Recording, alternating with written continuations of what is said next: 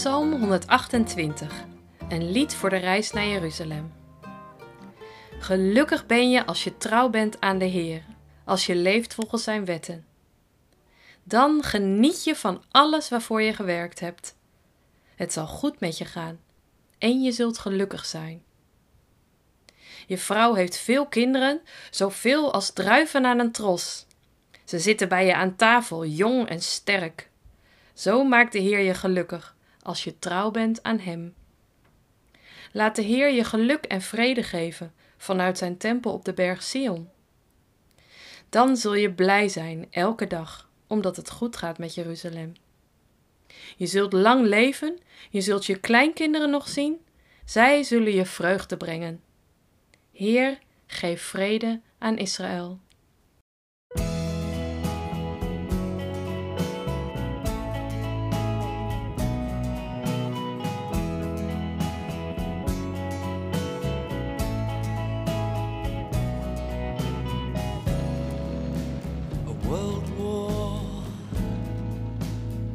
Was announced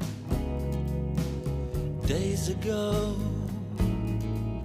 but they didn't know the lazy sunbathers, the lazy sunbathers. Je vrouw heeft veel kinderen, zoveel als druiven aan een tros. Gaat de psalmdichter hier los. Kinderen worden hier gezien als een zegen van God. Kinderen waren in het oude Israël letterlijk van levensbelang. Je kinderen zorgden voor je familielijn en familie was in die tijd veel belangrijker dan nu. Een pensioenfonds of een uitkering had je in die tijd nog niet. Voor je levensonderhoud was je afhankelijk van je kinderen, vooral als je oud en bejaard was. En hoe meer kinderen je had, hoe zekerder en veiliger je situatie was. Je had iemand die later voor je kon zorgen. Kinderen staan dus voor toekomst in de Bijbel. Dat is leuk en aardig, maar wat als je geen kinderen kan krijgen? Als het niet lukt, lichamelijk of geestelijk? Als je noodgedwongen kinderloos bent, wat moet je dan? Wat kun je dan met psalmen als deze? Die komen dan keihard binnen en je leest gauw verder. Het zal je goed gaan, je zult in alles gelukkig zijn, dicht de psalm. Een levenspartner, veel kinderen, voorspoed en geluk. Ik kan het vaak niet terugzien in de wereld om me heen, ook niet bij mensen die een groot geloof hebben in God.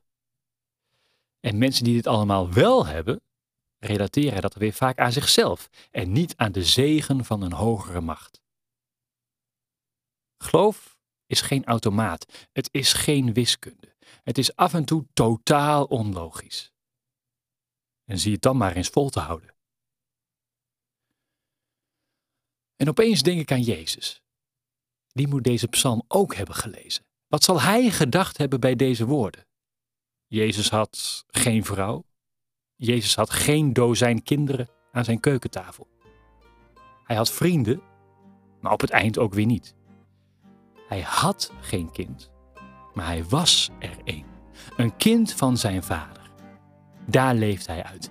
Daar vertrouwde hij op. En het bleek genoeg te zijn, niet alleen voor zijn eigen leven, maar ook voor dat van miljoenen anderen.